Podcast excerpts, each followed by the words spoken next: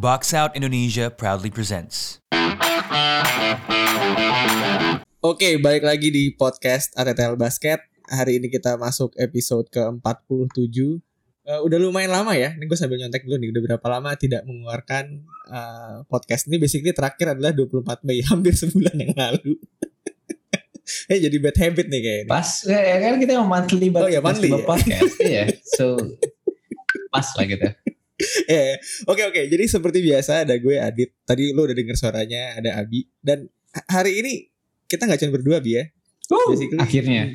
membawa membawa ini ini salah satu alasan kenapa mengajak uh, teman-teman yang kita bawa ini karena spesifik sebenarnya mau ngomongin Dallas Mavericks kan dan paling pas kalau misalnya udah jelas ajak teman-teman yang bisa dibilang Dallas Mavericks gitu jadi yang pertama uh, kita ada Jason Hai Jason Yes sir.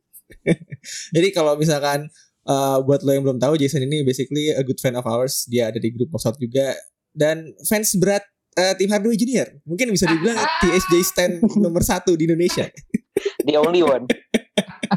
The only one. Dan yang terakhir sebenarnya tidak perlu banyak perkenalan ya. Eh gue barusan tadi sebutnya host kondang, orang sibuk. Jadi ini men- mencari waktu di mana bisa mengambil eh, di sela-sela kesibukan dia ya. Ada Bapak Jerry Arvino. Selamat malam Bapak Jerry. Malam Pak Adit, bum bum bang bang. Boom, boom, bang, bang. Nyampe juga di sini gitu. Ya, akhirnya gue ini such an honor loh. Gue akhirnya mendarat di podcast yang gue dengerin dari sebelum kenal kalian dan juga um, join di Fantasy League akhirnya karena dijebak oleh Ivin. Syarat Ivin. Shout out TV. Tapi gila jadi aja ngomong sebuah kehormatan padahal gue kayak ownernya tuh jauh lebih tinggi dia ke sini oh buat kita ya bandingin bandingin Jerry yang ke sini gitu kan jadi itu kelihatannya aja cuy, kelihatannya aja. Jadi ya. Kalau gue yakin ya dari kita berempat yang wawasannya paling cetek gue. Lu ntar bisa bisa bisa cetak-cetakan nama gue Jer tenang Jer Oke, oke. oke Jar, oke. jar, jar, tar, sebelum Ya. mulai. Gue mau nanya, afiliasi lo apa, Jar? That was my um, favorite question karena kan jadi sebelum orang ngomong kita harus tahu dulu kan tendensinya gitu. Jadi Eh. ya walaupun gak semua orang mau ngomong ya gitu. Gue nggak percaya si ETTL ini true natural sampai sekarang. Anyway, karena kalau gue stalk kalau kalau Abi kan bocah timek banget ya. Kalau uh, Adit nih ada warna-warna Spurs sebenarnya di diri dia yang setelah gue stalking Instagramnya gitu. Jadi sepertinya ditutupi seperti ya lebih lebih ngikutin ke pemain-pemainnya oke lah ya. Cuma kalau misalkan segaris keras kalian kalian kepada Mavericks kayaknya enggak sih ya. Yeah, we Cuman, just hate, we, we, we hate bad plays. lah. We hate Yeah. bad plays and we hate bad, bad players saja gitu. credit where it's due Oke oke oke. Kita udah hampir masuk tiga menitan ya. Jadi tanpa membuang waktu Bapak Jerry yang sangat berharga ini. Karena se- setelah ini abis ini mau ini mau live streaming box room kan. Jadi apalah kita gitu. Jadi kita langsung mulai aja ya. Buat pemanasan sedikit sedikit kita nggak usah panjang-panjang aja. Eh Bucks sama Nets tadi game 7 udah akhirnya selesai juga gitu kan yang di mana dengan sangat mengejutkan Milwaukee Bucks akhirnya berhasil menang setelah sampai ke babak overtime. Gue sejujur-jujurnya pas itu KD masuk that eh, apa namanya tying shot ya 109 sama nyampe ke overtime wah Bucks kelar nih gitu kan. Mhm. cuman ternyata setelah masuk overtime yang kejadian adalah eh, KD and Harden combine for 0 and 8 kalau nggak salah ya throughout that 5 minutes span eh, di OT cuman eh, masukin dua poin dari Bruce Brown putback kalau nggak salah dan Ya. empat poin dari Bucks datang dari Yanis dan Chris Middleton ya yang somehow clutch Eh. such such an alpha move Eh, six lupa free points, throw-nya, lagi free free throw. throw-nya Brook dan throw Yeah. Brook Lopez ya itu basically adding adding salt to the wound lah ya karena udah jelas ya kan tiba-tiba ngapain dikasih foul juga gitu. But, but again Ex-playernya Nets lagi gitu. Sekalian. legend. Kan dia kok nggak salah masih. Fra- ma- eh, masih ini ya franchise leader score kan? Iya benar-benar jadi ya coach Budenholzer masih bisa bernafas ya. Meskipun gue sama Abi konsumsi sama gitu kan. Mau juara juga ganti-ganti aja udah gitu. Cuman mungkin gue gue mau ke Jason dulu kali ya. Biar nggak biar nggak ke Abi dulu. Eh, take away lo di game 7 tadi apa Jace? Um, ya Coach Bar got got way sih. Hampir hampir choke. Jadi that Brook Lopez play kayak he lives on another day. Yeah, that's all for me. And kayak Joe Harris udah mulai dibakar-bakar jersinya sama fans Nets. Jadi kayak uh, fans Mavericks mungkin mau siap-siap. Kayak I think another one on the way. Maybe. Kayak Harrison Barnes dulu. Yes sir. Boleh tuh menarik tuh dikirim tuh. Dikirim ke Mavs menarik tuh. Gak pernah apa Kita, eh, there's no, apa ya. Gak ada pemain yang gak bisa improve maps at this point. Rock bottom. Tapi ini sebelum sebelum kita ngomongin uh, Mavs ya karena sebenarnya ya udah ajak Jason dan uh, Jerry udah pasti menu utamanya Mavs ya. Cuman mungkin tanpa tanpa sedikit apa ya memperpanjang lagi gitu kan. Bucks Nets tuh gue sudah apa ya menyangka pada saat Brook Lopez membuat kesalahan itu ya. Gue sudah expect bahwa wah ya this is gonna be it gitu kan. Cuman ternyata uh, akhirnya so, so, somewhat juga sebenarnya gue lupa yang Brook Lopez block KD itu pas 113 11 apa sebelumnya ya. Ya ini gimana it's a big block juga kan. Jadi Biggest block of his career bro. Itu menit terakhir kan ngebloknya kayak parah, ini ya. parah, parah, parah, Beda, parah. iya beda dua bener, beda dua sebelum Middleton point kalau nggak salah. Tebus dosa, tebus dosa. Nembus dosa ya. Eh, dia, dia- yang pertama dia udah udah apa namanya make that good play at, uh, before di uh, OT gitu kan. Cuman akhirnya dia juga yang menyebabkan OT dibayar lunas uh, dengan blok gitu kan. Cuman ya udahlah kita tadinya mau gue tambahin dikit cuma udah cukup panjang juga gitu kan. Jadi pemanasan yang kedua kita geser sedikit. Uh, beritanya cukup unik sebenarnya.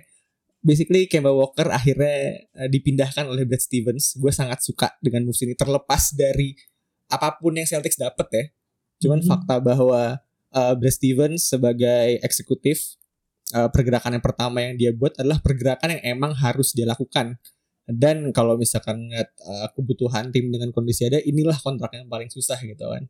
Dan Hmm. yang menurut gue juga cukup unik adalah uh, nggak cuman Brad Stevens itu berhasil mindahin Kemba, dia melakukan trade ini dengan OKC Thunder gitu kan. Maksudnya adalah uh, trade pertama yang dilakukan oleh Brad Stevens dia ngomong langsung sama Sam Presti gitu loh. Yang di mana it's no easy fit gitu kan. Yang di mana yang kita tahu. itu.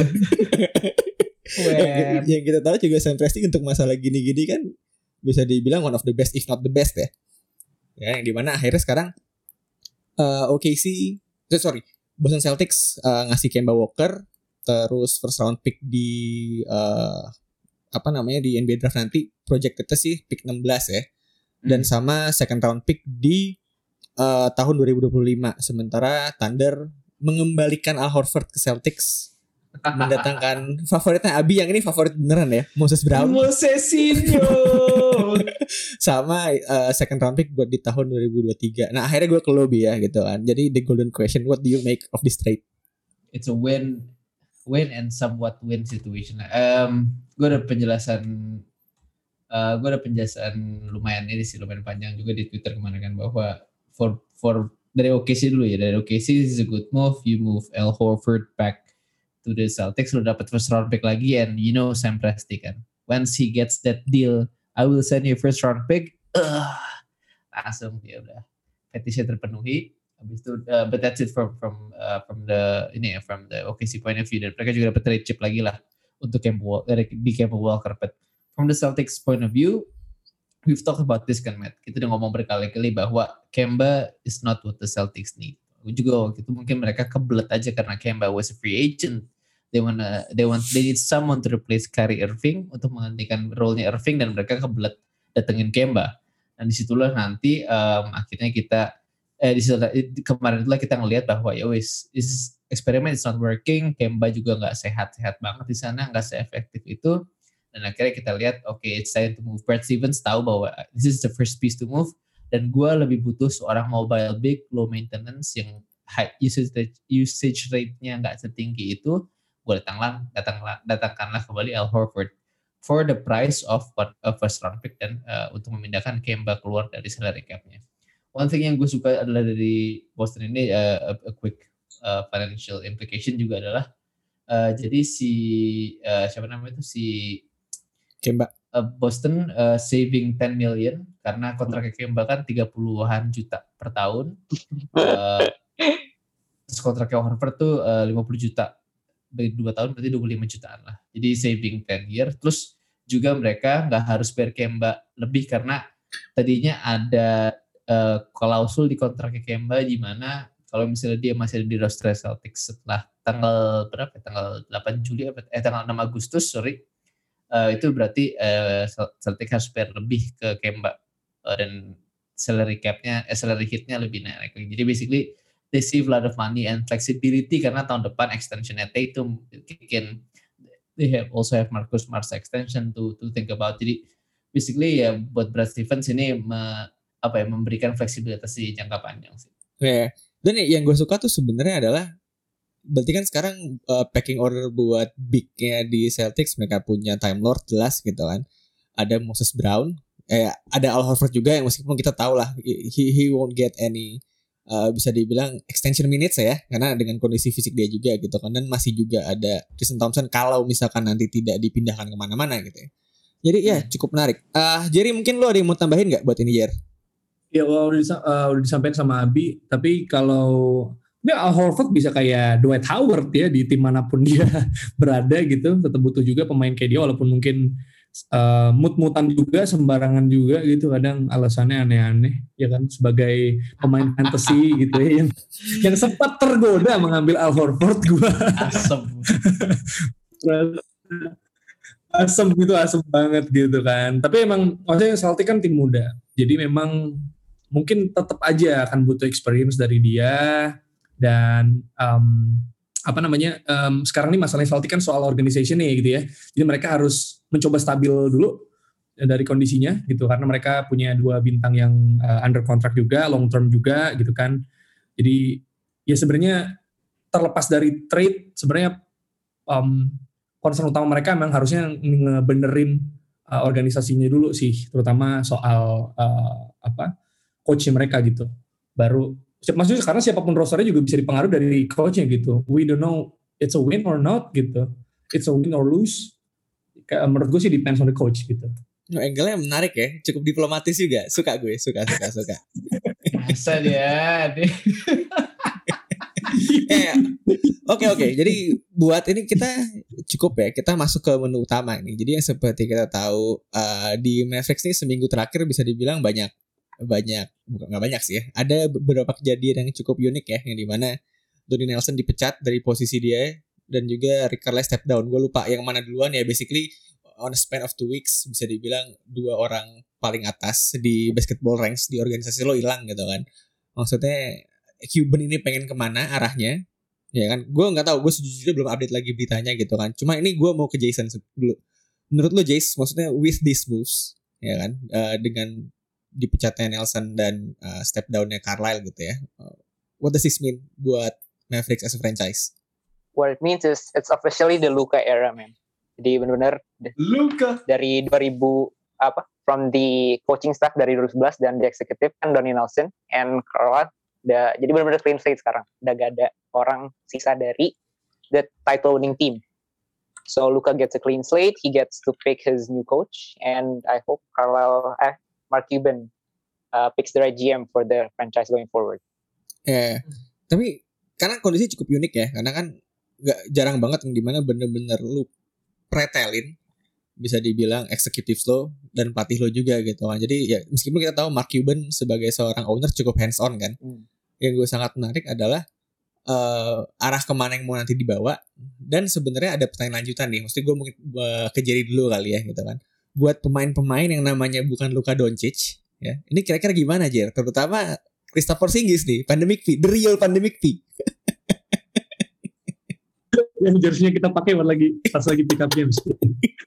Tapi Porzingis yang next yang lebih bagus. Anyway, masa depan pemain yang namanya bukan Doncic gitu. Sebenarnya gini, dia dia masih muda dan dia juga apa Doncic adalah pemain yang juga sadar kalau dia sangat penting untuk timnya gitu. Maksudnya mungkin Mavs akan melakukan apa pun untuk mempertahankan dia, untuk ngasih supermax juga kayaknya akan gitu kan.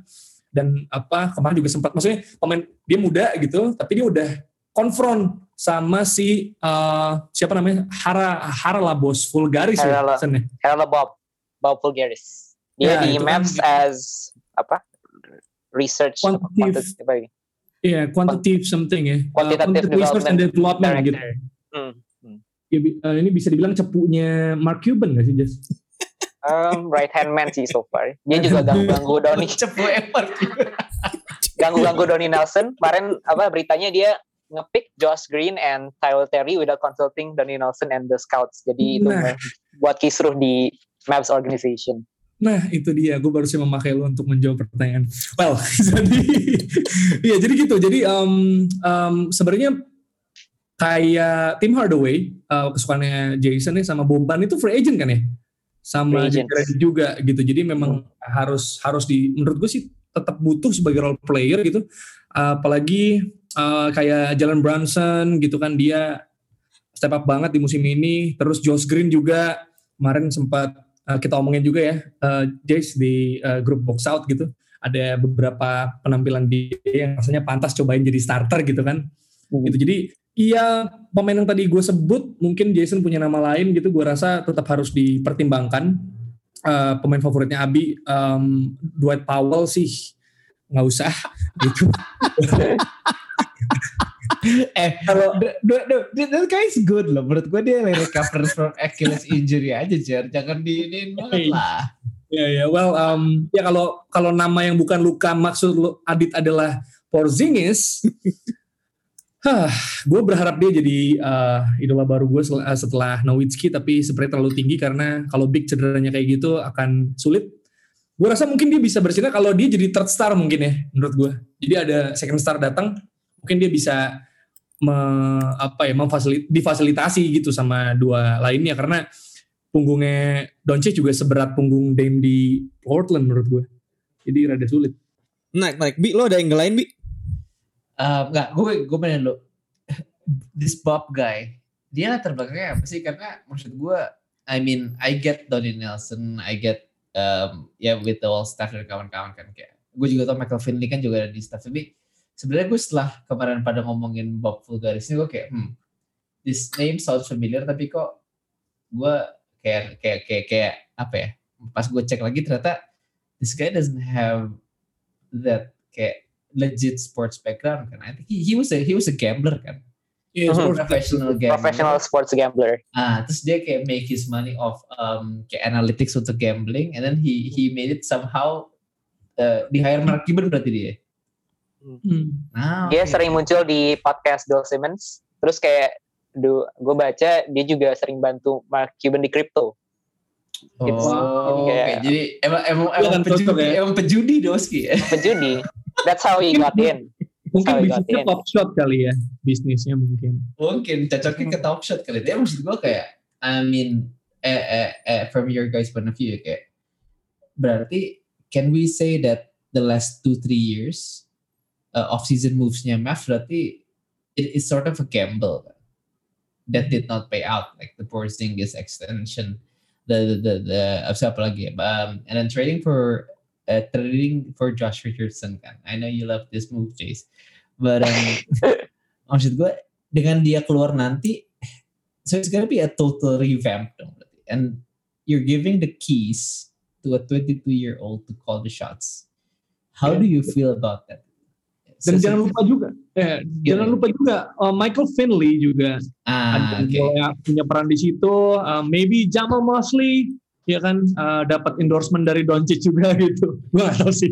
Ya, gimana. se- sepede apa kayak how do you feel giving the keys to a, the organization ke or, uh, anak umur 22 tahun I'm both anxious and excited karena uh, excited because Luca is here. Tapi uh, still the one making the decisions will still be Mark Cuban. Yeah. As we all know from his tenure, tetap dia yang bakal have the final say. Um, eh, as for the gambles past the past two three years itu mereka coba moneyball essentially kayak they signed Delon Wright, they signed Willie Cauley-Stein itu based on analytics and didn't pay off. In the in the playoffs you need talent, talent beats everything. Wait, wait, wait. oh, I was so pissed in the 2019 off season. Oke, wait, wait, wait. You sign, jadi ceritanya Collie Stein is signed based on analytics. Maybe okay. Okay, now this Bob guy gets has to go, man. Yes, Eh, to Jay. go. Yes, gue kan Dallas ya. Gue lo lebih suka Cauley Stein atau Dwight Powell? Ah. I like the idea of Collie Stein.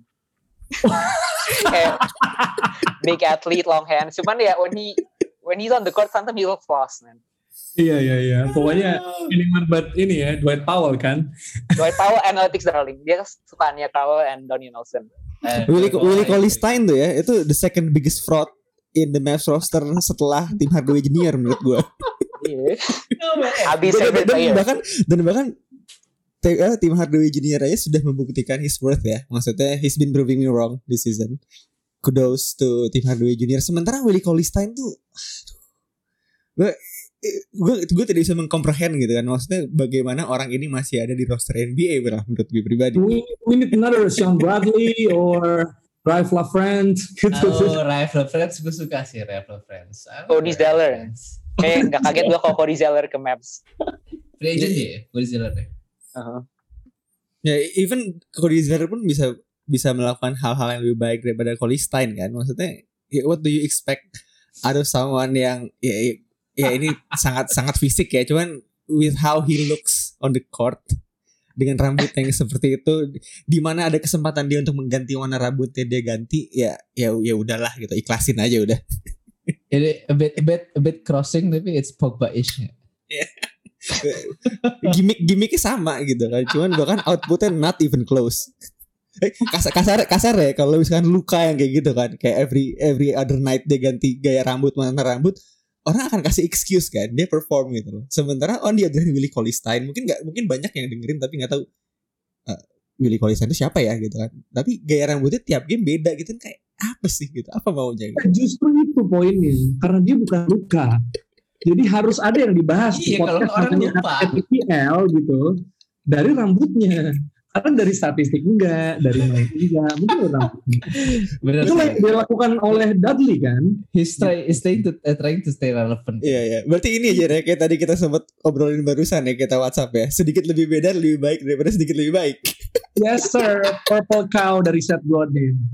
Gitu. Iya iya iya iya. Oke oke, sudah cukup melenceng ya. Anything more to add nih ya terkait dengan eh, kekosongan yang ada di Hmm, kursi hmm, eksekutif hmm, dan kepelatihan Mavs? Anything more to add? Um, Atau Jace mungkin anyone? yeah, I think the room, the margin for error makin dikit ya buat Mavericks. They have to nail this GM appointment. Harus banget. So if they manage to piss off Luka gara-gara ini, uh, I don't know. I don't know what's next for the Mavs. Wait wait wait. Uh, from your guys, uh, satu nama yang lu pengen banget kayak this would be the most ideal. But don't say Masai Ujiri because that's out of your league. That's my only answer. Eh. Only Masai Ujiri can take on this massive project. Hmm. Kayak revamping the Mavs. I like I like Ujiri sih. Lu jar, lu suka Finley jar? Atau gimana jar? Sebenarnya gue belum ada uh, preferensi ya dari GM gitu. Cuma yang jelas memang ketika uh, first round exit dua kali, apalagi lawannya sama gitu. Lepas dari di set sama lawannya, Hmm. uh, gue rasa memang itu sih gue juga kalau ditanya orang targetnya musim tuh paling nggak lolos first round gitu. Yang paling realistis karena bersaing di Wild Wild West ada susah juga. Tapi kalau nama gue jujur belum kepikiran gitu soal GM siapa yang oke. Yang jelas big hammer bro. Tapi ini ya, kalau misalkan ngeliat track recordnya Cuban, terutama soal Donnie Nelson ya, karena kan gue menganggap dari awal bahwa Donnie Nelson kan KKN ya. Dan sebenarnya kita kan Cuban kan apa nih, dia dia sangat menghargai sentimental value ya. Jadi maksudnya de- dengan apa yang Donnie Nelson kasih ke Mavs gitu kan. Jadi kayak the least the least he could do adalah take care of his son gitu kan. Meskipun ya Donnie Nelson he, he did his part lah gitu kan. Cuman maksudnya menurut gue pribadi Cuban kept him way too long than he should be gitu kan. Malah, malah kalau misalkan dibilang 5 season kemarin itu Donnie Nelson uh, keluar sendiri atau Cuban decides but oke gue I had enough with you rasanya juga fair-fair aja gitu kan. Jadi kalau misalkan eventually Michael Finley yang dibawa sama Cuban gue nggak kaget sih gitu kan. Maksudnya ya his ex player juga gitu kan. Maksudnya one uh, salah satu legend Mavs juga pada masanya gitu. Jadi ya we shall see lah ya. Karena buat kursi eksekutif kadang-kadang tidak se-clear cut kursi kepelatihan ya. Cuman mungkin ini ya karena kita udah sedikit uh, menyinggung soal kursi kepelatihan, kita sambil geser lagi. Uh, seperti yang kita tahu juga dalam waktu span dua minggu ya kalau nggak salah ya, bisa dibilang kursi kepelatihan di NBA ini banyak yang uh, banyak yang copot-copot ya dari uh, Magic, Wizards, Blazers, Pacers, Pelicans dan Celtics juga gitu kan yang di mana seperti yang tahu Brad Stevens uh, menggantikan Danny Ainge gitu ya. Mungkin gua mau ke Jerry dulu lagi. Dari uh, tim-tim tadi ya, Magic, Wizards, Blazers, Pacers, Pelicans dan Celtics sebenarnya kursi kepelatihan mana sih yang kalau misalkan lu pelatih NBA, lu paling pengen di kursi itu gitu, Jer? ini semua orang pasti akan ngejawab Celtics nggak sih enggak ya? Iya, mo- most most likely sih. I mean, yeah, I would agree with you kalau lo jawab Celtics. Eh, maksudnya kalau gua nggak pertama jadi bisa sok-sok beda gitu loh. tapi, tapi ya yang di otak kepala gue ya of course uh, Celtics or maybe Pacers or maybe Blazers gitu dengan alasan yang beda-beda. Kalau kalau Celtics ya tadi maksudnya ini tim muda yang potensial pastinya gitu walaupun uh, tadi lu bilang juga ada pelatih banyak yang uh, parted ways ya kan. Sebenarnya itu bahasa halus aja buat fired. bahasa sopannya gitu. Well, um, iya uh, karena punya apa mereka baru trade juga, terus bener tadi gue setuju banget yang lo bilang Kemba nggak sebenarnya nggak dibutuhkan, tapi yang nganggur Kemba ya sikat aja gitu. Um, cuma masih banyak PR yang masih dibenerin di organisasinya, tapi pemainnya udah menurut gue sih udah oke okay ya, karena uh, selain dua bintangnya mereka juga mereka masih punya Pritchard dan lain sebagainya yang bisa step up gue rasa di musim depan kalau minitnya cukup. Um, ya tahu kalau mau beda ya Pacers juga menurut gue uh, juga menjanjikan walaupun sepertinya Pacers nggak suka pelatih yang namanya Nate ya. Hmm.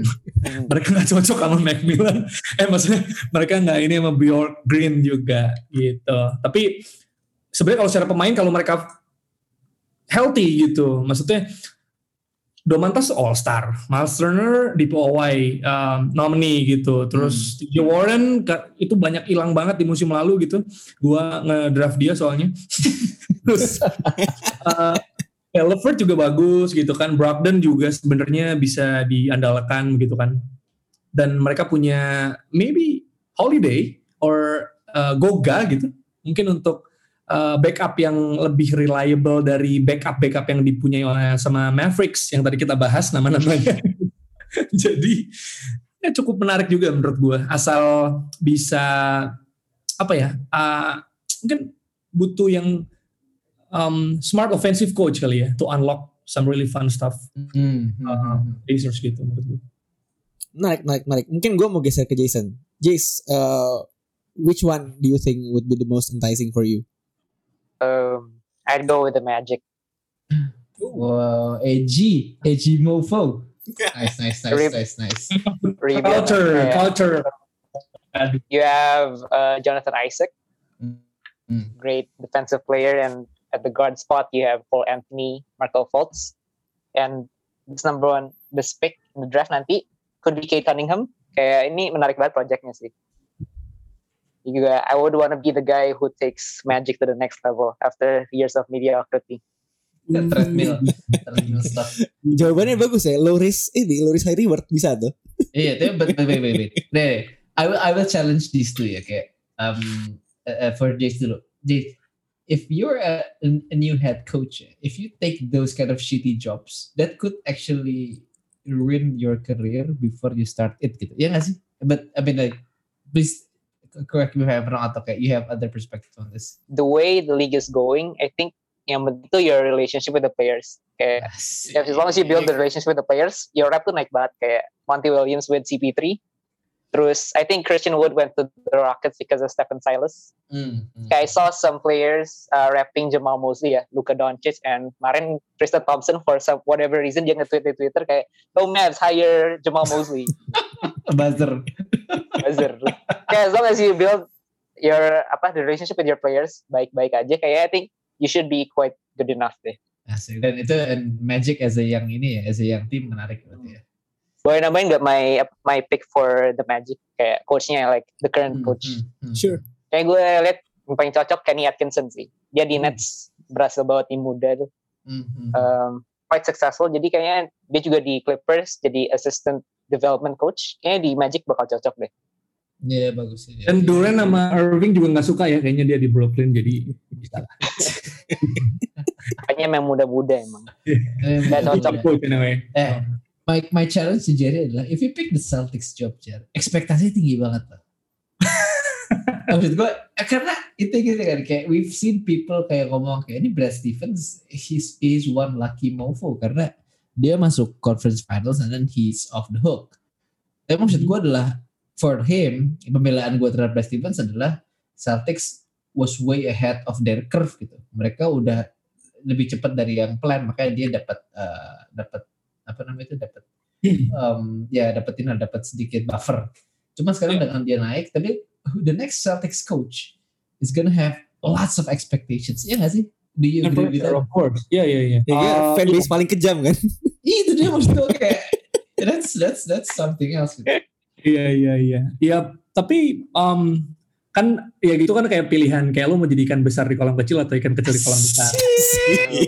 Jadi um, menurut gue maksudnya it, it will maksudnya apa ya? Increase your I think uh, apa ya bahasanya? Exposure, I guess. Exposure, ya, benar-benar. exposure buat buat uh, lo ke depannya gitu dan maksudnya di Celtic juga gimana ya kalau Celtic itu kan tadi gue bilang organisasinya juga masih goyang nih gitu. Hmm, hmm. Jadi selain ada ekspektasi, ada juga excuse sebenarnya yang bisa dipakai. Ah, gue dapet gue basiannya bos nih, Cek. Iya dong. Maksud gue kalau yang lain kan masalahnya coachnya nggak cocok sama pemain yang nggak ini gitu kan. Misalnya kalau mau Blazer juga mungkin ngerasa kok mentok di situ doang gitu. Round exit terus gitu kan. Sementara pemainnya udah habis-habisan banget kayak gitu-gitu kan. Sebenarnya nggak ada masalah dari si organisasinya gitu loh. Kayak kayak pelatih Mavs gitu misalnya. Ya Mavs sih lebih kecil dari Celtic jauh gitu. Cuma maksud gue ya ya wajar dong gimana sih gitu. ada gitunya Understood, understood. gue rasa gitu tapi ya I'm the Celtic coach gitu I'm the Celtic coach tapi ya ya gimana gue udah berusaha yang terbaik tapi gue nggak disupport nih Dapat basiannya berarti itu nggak jelas. ya.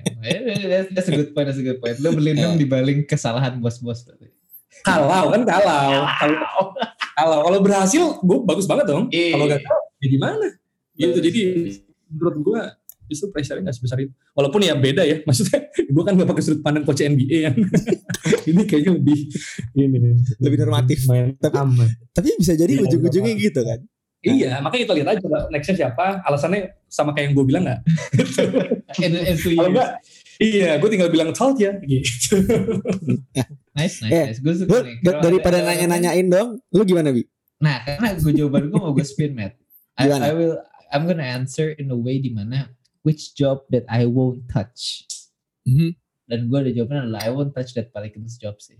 Hmm. Karena I mean you have you're stuck with Eric Bledsoe. You're stuck with Steven Adams yang entah kenapa tiba-tiba disfungsional di sistemnya Stephen Gardingmar daripada he is a- menurut gue dia masih serviceable player, not a good one but serviceable. And then you have the Zion Williamson trouble di mana his camp atau his entourage atau his family nggak suka dia di New Orleans. Man, if you're number one overall pick, ini, ini, Anthony Davis all over again. And if siapa pun yang mendarat di situ akan sama kayak Steven Silas waktu di Rockets kemarin kan, di mana James Harden, your franchise player, tiba-tiba nggak suka atau wants out. But and yeah, with the way, I mean, I don't know this the roster and then the situation and the market itself. I mean, playing in New Orleans, kalau lu cek ya di game tape-nya eh, di, NBA app atau di YouTube lah, game tape-nya New Orleans itu pasti paling jelek bro kameranya. Gue juga gak ngerti kenapa. Jadi basically that's a shitty team in this. I don't know how to say shitty town ya, tapi shitty team in a small market in a shitty situation. If I were if I were a coach, I wouldn't sih. Kecuali gue bener kayak desperate banget. I want that first uh, head coaching job that will get me somewhere. Uh, yeah, I I wouldn't touch it. I I wouldn't see any veteran ini ya. Kecuali yang benar-benar kayak nyentrik banget dan ngeliat kayak oh maybe this is my last chance. Pokoknya I would only see a desperate coach going for that New Orleans job. Iya ya. Karena menurut gue pribadi ya agak kaget sih sebenarnya dia nyebut uh, jobnya Pelicans tadi kan karena ya meskipun terlepas dari outputnya gimana gitu ya. Karena menurut gue pribadi dengan roster yang ada mengesampingkan semua uh, antics Zion and his camp ya. Maksudnya it's one of the most enticing job gitu kan. You get to work with Zion gitu kan. Cuma kalau misalnya udah mengam- eh, memasukkan faktor-faktor itu lagi gitu kan ya ya jadi sulit gitu kan. Cuman cukup kali ya buat hari ini ya. Kita tidak perlu membahas panjang-panjang Eh basically kita we lay out the canvas gitu kan. Jadi kalau misalkan menurut lo terkait job-job ini ada yang paling menarik dan kenapa dan menurut lo siapa please do feel free to share ya. Eh bisa di sokmetnya TTL Basket. Eh paling itu aja buat hari ini. Thank you Jerry sudah meluangkan waktunya yang sangat sibuk. Habis ini langsung mau live streaming box room lagi gitu ya. Woo. thank you juga buat Jason. Eh, first gig ditunggu buat second third fourth fifth six seven eight nine tenth ya J- eh, Jace ya. I, And I as always- and I have a also- feeling Kenapa, Jason kenapa? will be here. I Yes. feeling Jason will Buat- be here for the long. buat yang denger ya, buat yang denger editorial podcast aja please do follow Instagram dan juga Twitternya karena ada banyak insight yang lo nggak dapetin di mana pun bro Oh, Number- thank you for the one thank you for the promotion. One. Hashtag stats. Oke oke oke. Thank you buat semua yang udah dengerin. Sampai ketemu di episode selanjutnya. Thank you semua. Bye.